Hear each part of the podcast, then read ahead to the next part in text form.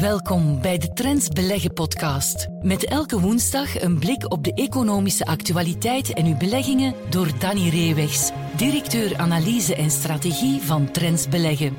Deze podcast kwam tot stand met de gewaardeerde steun van Keytrade Bank, de onbetwistbare marktleider in online trading in België.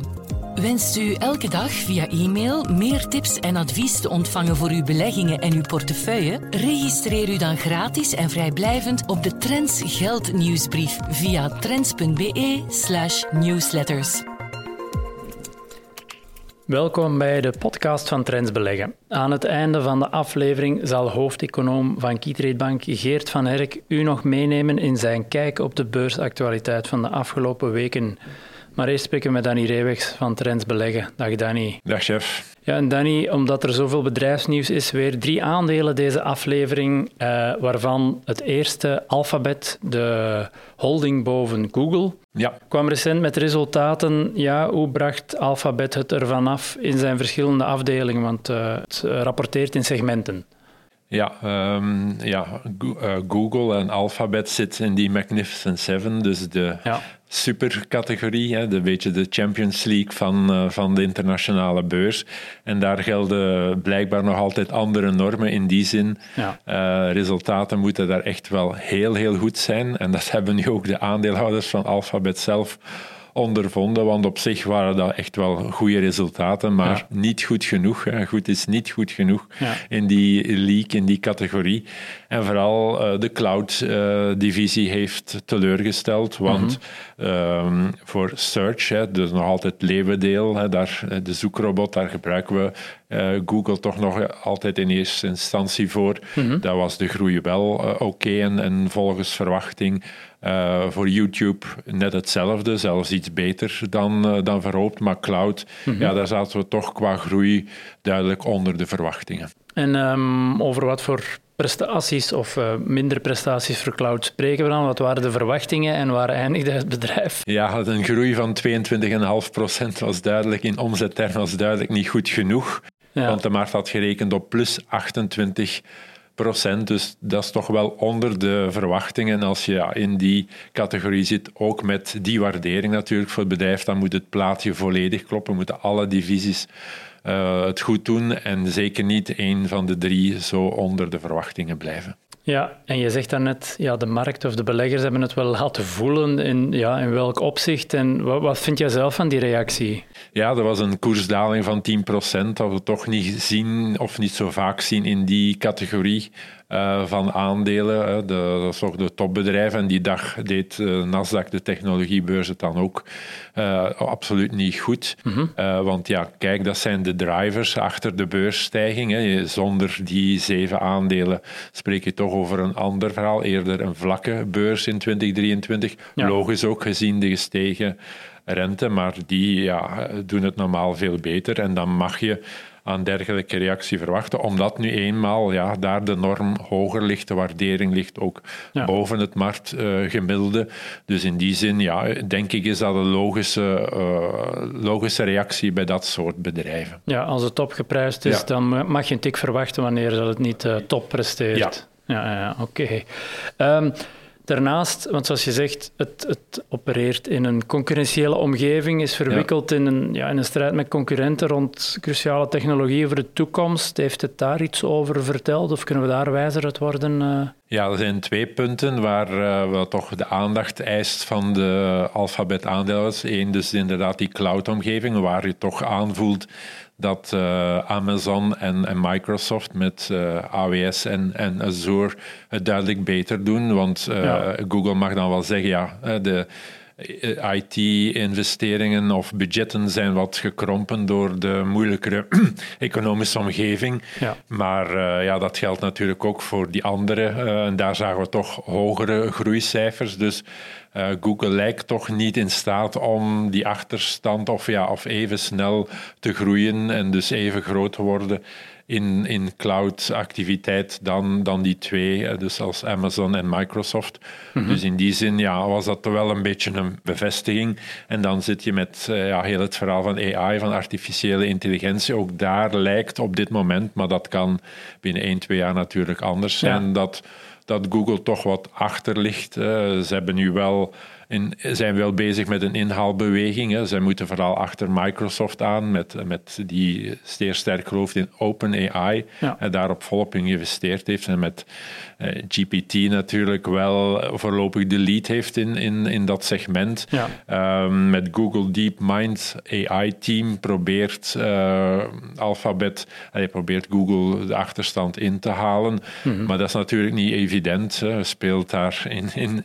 in de Champions League en, en ja, hopen op een verzwakking van de tegenstand is er meestal niet. Dus je zal zelf uh, heel wat extra inspanning moeten doen om de kloof te dichten.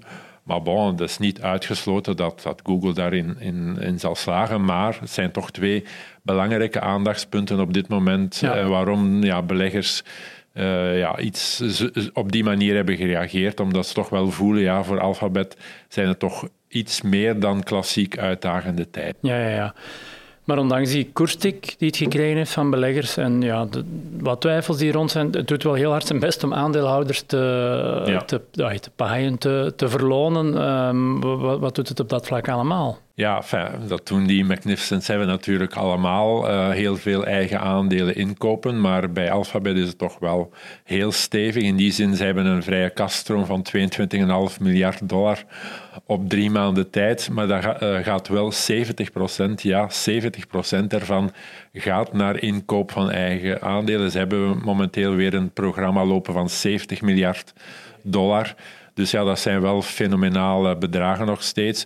En dat zorgt natuurlijk wel voor dat, dat die koers ondersteund wordt. Ja. Um, en dus ja, dat het niet zomaar in vrije val zal gaan. Oké, 22 miljard om drie maanden. Daar blijft mijn hoofd al uh, ja. staat op ontploffen. Ten slot, um, ja, wat vind jij van de waardering momenteel? En vooral als je die afzet ten opzichte van een historische waardering, want daar kun je ook nog een boompje over opzetten, denk ik. Ja, dan mag je zeggen natuurlijk, de, de koers is nu teruggevallen, heeft een correctie ondergaan. Um, we zitten nu vooraan de 20 qua koers-winstverhouding voor volgend jaar. Dat is denk ik stil wat aanvaardbaar, wat redelijker. Dat is niet echt goedkoop natuurlijk. We hebben de twee grote uitdagingen aangegeven rond cloud en rond artificiële intelligentie. Daar moet mm Alphabet en moet Google natuurlijk wel stappen zetten en mag het niet ja, achterop blijven of nog meer achterop gaan ten opzichte van de concurrentie. Maar qua basis is het natuurlijk wel een zeer gezond ja. uh, bedrijf. Dus een, ja, een neutraal advies, denk ik, past wel bij dit aandeel op, op dit koersniveau. Aanvaardbare waardering. Perfect. Het tweede aandeel, dan komen we in België met de farmareus in wording, Argenix. Ja. Uh, kwam ook met resultaten. Het grote middel uh, nog altijd is Vivgaard of Fgaard-Tigimot, uh, waarvoor het al commercialisering heeft, heeft doorgemaakt. Hoe, hoe, staat het met de verkoop daarvan? Ja, dat blijft een schitterend parcours, een, een, vlekkeloos parcours ook tot nu toe, want voor het zevende opeenvolgende kwartaal is de verkoop van uh, Vivguard boven de verwachtingen van analisten uitgekomen. En ik kan niet zeggen dat die ondertussen nog het bedrijf kunnen onderschatten. Hè. We zaten op 329 miljoen dollar. Um, gemiddeld voor het derde kwartaal, dus gemiddeld zit al boven de 100 miljoen dollar per maand aan verkopen. En dat betekent dat, uh, dat we heel, heel goed op weg zijn om die droom waar te maken. Met naam van Vivguard een, een blockbuster maken. betekent een verkoopcijfer van meer dan 1 miljard dollar op één jaar. En we zijn nog maar in het tweede jaar van verkopen. De lancering was begin 2022, dus dat is een heel, heel straffe uh, tour. Niet alleen om ja, in klinische uh, fase succesvol te zijn, maar ook commercieel dan zo uh, performant te zijn. Want analisten zitten nu al op 1,1 miljard verkoop, dollar verkopen voor dit jaar. Ja. Dus dat is toch wel een bijzonder strafverhaal. En toch tot nu toe nog nooit gezien uh, voor een Belgisch uh, biotechbedrijf. Nee, ik las in jouw analyse ook dat er zijn er ontwikkelingen, want het gaat nu over de intraveneuze toediening, dus uh, via een naald in de ader, um, dat er ontwikkelingen zijn om het onderhuids toe te dienen en zo. Ja. Is dat van tel? Ja, dat is toch wel belangrijk qua comfort uh, voor, de, voor de patiënt.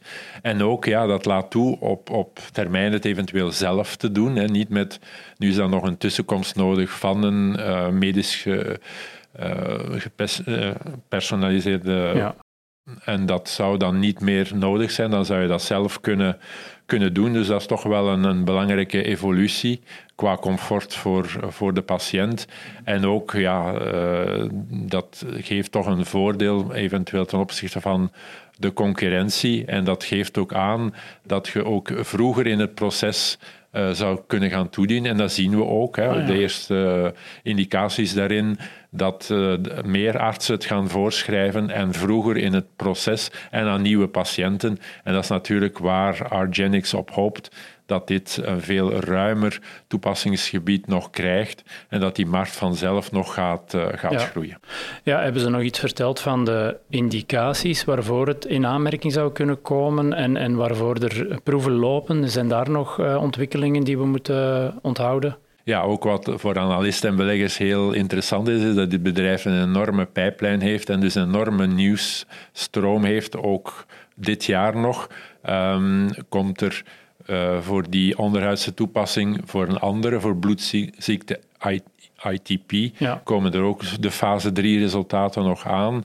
Uh, en dan voor een andere toepassing, een huidziekte, Pemphis vulgaris, PV, gaan we ook nog de resultaten, cruciale fase 3 resultaten krijgen. Dus er zijn nog twee belangrijke afspraken dit jaar, maar de belangrijkste hebben we natuurlijk in de zomer gehad voor CIDP. Ja. En daar zien we dat um, Argenix toch ook uh, heel goede resultaat had en zo, dusdanig veel belofte inhoudt dat het de prioriteitsticket gaat gebruiken. Dus een versnelde ah, ja. uh, goedkeuringsprocedure bij de FDA. Uh, eh, normaal zal het dossier nog dit jaar ook worden ingediend en mogen we dus verwachten volgend jaar dat uh, FDA uitspraak zal doen en mogen aannemen gezien ja, de mooie uh, klinische resultaten dat ook voor die indicatie er goedkeuring zal zijn. En dan uh, mikken analisten toch op al voor die twee indicaties Um, dat we gaan richting 2, 2,5 miljard dollar piekverkoop. Oké, want ja, nog veel nieuws erom dat er zit aan te komen. Beleggers hopen uiteraard positief. Hoeveel daarvan is al ingecijpeld in de koers volgens jou? Ja, natuurlijk. We moeten daar niet flauw over doen. De beurskapitalisatie 26 miljard. Ja. Uh, ja, dat is niet niks. Uh, met een bedrijf dat ja, op dit moment ongeveer voor 1 miljard dollar aan verkopen heeft, ja, is dat natuurlijk uh, gigantisch veel. Daar moet nog, uh, moeten natuurlijk dingen bij komen, maar voorlopig, ja. hè, als we kijken naar de klinische resultaten, gebeurt dat ook. Er is Vivguard met heel veel toepassingen. Dat is onderzoek in 10, 15 indicaties. Okay. Als die top 4 is, dan gaan we waarschijnlijk al richting 5 miljard.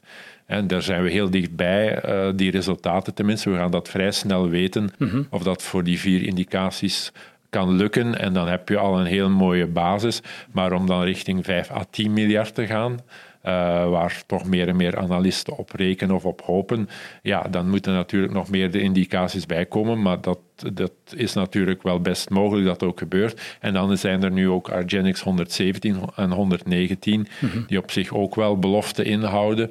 Uh, dus ja, uh, er zit. Uh, zit al wel wat ingeprijsd, ja. maar voorlopig ja, terecht. Maar natuurlijk om nog meer waarde en meer die Amerikaanse normen te krijgen of kapitalisaties te halen zoals een Vertex, ja, dan moeten we natuurlijk nog wel de komende jaren ook verdere succesvolle ontwikkelingen zien. Ja, om een koersomzet van 26 te rechtvaardigen, uh, kunnen we dat wel hopen. Um, tot slot, het laatste aandeel dat jij erbij hebt gehaald, de bioscoopgroep Kinepolis of Kinepolis.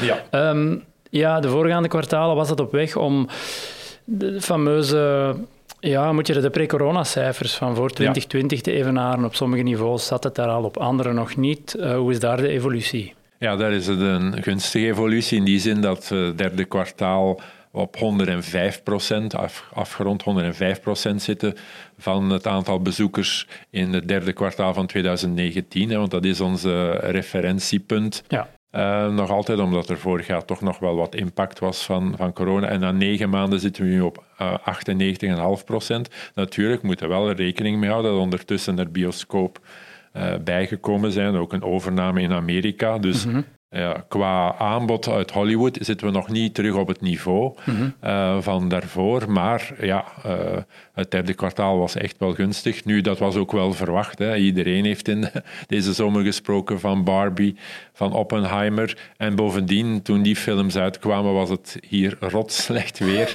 in West-Europa. Niet in Noord-Amerika, maar wel in West-Europa. Dus ja, je had de ideale cocktail, ideale combinatie om een om een heel goed kwartaal te hebben en dus een uitzonderlijke juli maand. Oké. En zegt dat iets over de vooruitzichten van het hele jaar? Gaan we 2019 uh, eh, te boven? Ja, qua bezoekersaantallen is dat nog afwachten. Dat hangt natuurlijk, hè, het vierde kwartaal is het belangrijkste kwartaal met die decembermaand, de piekmaand voor het bioscoopbezoek. Dus dat moeten we afwachten. Het aanbod, het filmaanbod rechtvaardigt dat het kan. Het kan in elk geval. We weten nog niet of het gaat lukken. Maar waar we wel wat meer vertrouwen hebben, is op vlak van resultaten. Mhm. omdat we zowel al het half jaar en nu ook na het derde kwartaal de boodschap krijgen van kijk, ja, op vlak van resultaat, hè, van EBITDA en dergelijke, zitten we hoger dan in 2019. Mhm. Eh, en dus daar verwachten we eigenlijk wel een recordjaar. Het bezoekersaantal is afwachten, maar zowel in termen van omzet als in termen van, van resultaat zou dat wel best kunnen. Dan moet het vierde kwartaal toch echt al serieus tegenvallen. Ja. Ja, en tot slot, maar als ik me niet vergis, het noteert, de koers, de aandelenkoers, noteert weliswaar nog niet aan de niveaus van 2019. Nee, dus toen zat, had een enorme dynamiek binnen de groep. Hè. Vanaf 2014 is men ook extern expansie gaan doen, zelfs buiten Europa, met Canada en, en de Verenigde Staten, dus Noord-Amerika. En toen was natuurlijk die groeidynamiek van er gaan nog een aantal dingen gaan bijkomen. Uh, en dus ja, was het gewaardeerd als een groei bedrijf. Dat is nu minder, omdat ja, die schok is geweest. Nochtans, de koers staat nog altijd hardnekkig 25% onder het niveau van 2019. Alhoewel, we mogen aannemen dat het resultaat toch minstens zo goed zal zijn als toen. Mhm. Maar die expansie die moet nog terug op gang komen. Die is er niet. Af en toe wordt uh, lokaal...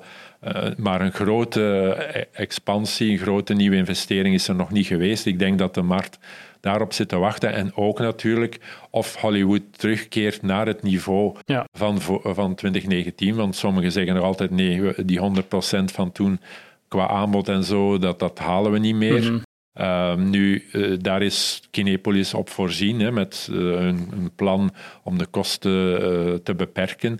Dus zij hebben dat niet nodig, maar ehm, ja. het is toch afwachten. Hè. We hebben nu ook die staking gehad in, in Hollywood, dus uh, het is toch nog een beetje vraagtekens wat 2024 exact gaat kunnen brengen. Maar ik denk uh, na, richting de komende jaren dat Kinepolis toch alles in handen heeft om een succesvolle periode te kennen. Oké, dan wachten we mee op Hollywood en op uh, hoe Kinepolis daarop zal inspelen. Ja. Voor nu ben je heel hard bedankt voor jouw tijd en inzichten en tot volgende keer. Graag gedaan, tot volgende keer. We luisteren nu naar Geert van Herk, Chief Economist van Keytrade Bank, met zijn analyse op een aspect van de economische actualiteit. Hallo iedereen en welkom bij onze wekelijkse bijdrage aan de Trends Beleggen podcast. En u zal als belegger natuurlijk ook opgelucht zijn met wat er vorige week allemaal gebeurd is op de financiële markten.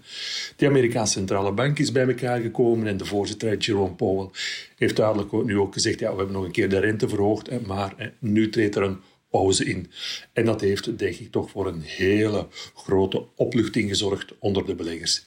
Niet enkel, denk ik, onder aandelenbeleggers, maar ook onder obligatiebeleggers. Want ik denk wel, als we nu naar de grafieken kijken, eind oktober, die beslissing van de Amerikaanse Centrale Bank, dat was toch, denk ik, een tot op heden belangrijk keerpunt. We zien op dat moment een zeer sterke opvering van de beurzen. We zien een daling van de dollar.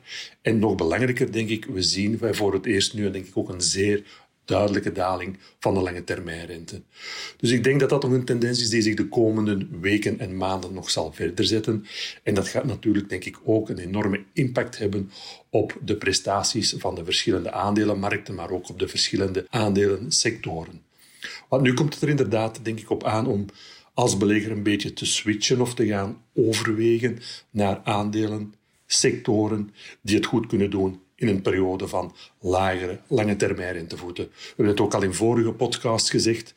Dus uh, welke sectoren de komende weken, de komende maanden kunnen profiteren van deze ja, rustpauze in het monetaire beleid. En denk ik een sector die daar heel vaak naar voren kwam, was de real estate, de vastgoedsector. Ja, en als we naar de Belgische beurs kijken, vorige week konden we er niet naast kijken. Edifica, WDP, Cofinimo, die hebben toch zeer, zeer sterk gepresteerd op de beurzen. Met Edifica natuurlijk als uh, uitschieter. Zijn natuurlijk ook ja, die vastgoedgroepen, denk ik, die het hardste zijn gedaald. Die nu ook ja, het meeste potentieel hebben om dat verlies uh, terug te gaan inlopen. Dus goed, ik denk ook dat de strategie voor de komende maanden daarop moet op gebaseerd zijn. Denk ik op die sectoren vastgoed. Ik denk dat u in de komende dagen, als er wat een, ja, naar die scherpe stijging van vorige week, als daar een lichte correctie optreedt in de namen die we zo net hebben opgenoemd, vandaar toch de posities in op te bouwen. Ik denk ook dat technologie een uitstekende kandidaat is om nu uh, opnieuw wat meer gewicht te geven in de portefeuille. Het is ook een sector die het traditioneel ook goed doet in een periode van lagere, lange termijn rentevoeten. Dus goed, en ik wil wens iedereen, elke luisteraar van deze podcast, toch nog eens uh, oproepen om bijvoorbeeld elk kwartaal de Guide to the Markets van JP Morgan te downloaden. Dat is een zeer uh, omvangrijk document met heel veel economische statistieken, maar ook heel veel statistieken over uh, de beurzen, de obligatiemarkten, de grondstoffenmarkten, de valutamarkten, de wisselmarkten. U vindt daar heel veel informatie in. En ook, denk ik, wat ik zo net gezegd heb. Hè.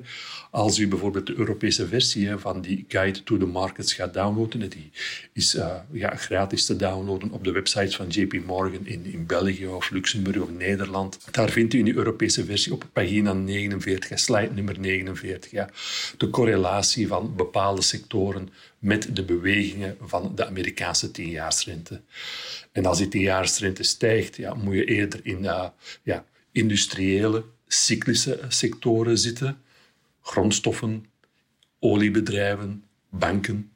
Maar, en dat is denk ik nu de situatie waar we in terechtkomen, in een periode van rentedaling, ja, sectoren die het dan goed doen, zijn vooral IT, technologie, real estate, vastgoed. Uh, dus bekijk vooral die sectoren als u liquiditeiten op dit moment aan het werk wilt stellen of als u een, gediversifieerde portefeuille heeft en u wilt bepaalde klemtonen te gaan leggen. Opnieuw denk ik, ja, uh, de vastgoedsector heeft de afgelopen maanden, jaren sterk afgezien van uh, die stijging van de lange termijnrente. Daar denk ik nu is ook een pauze ingekomen. Na een periode van ja, continue stijging de afgelopen drie jaar, denk ik wel dat we nu vertrokken zijn voor een periode van lagere uh, rentevoeten. En dat kan gemakkelijk drie tot zes maanden duren. En ik denk ook in die omgeving opnieuw kunnen vastgoedaandelen technologieaandelen het zeer goed doen. Goed, dat was de boodschap van deze podcast. We spreken elkaar opnieuw volgende week. Wenst u elke dag via e-mail meer tips en advies te ontvangen voor uw beleggingen en uw portefeuille? Registreer u dan gratis en vrijblijvend op de Trends Geld nieuwsbrief via trends.be/slash newsletters. Deze podcast kwam tot stand met de gewaardeerde steun van Keytrade Bank, de onbetwistbare marktleider in online trading in België. Volgende week zijn we opnieuw.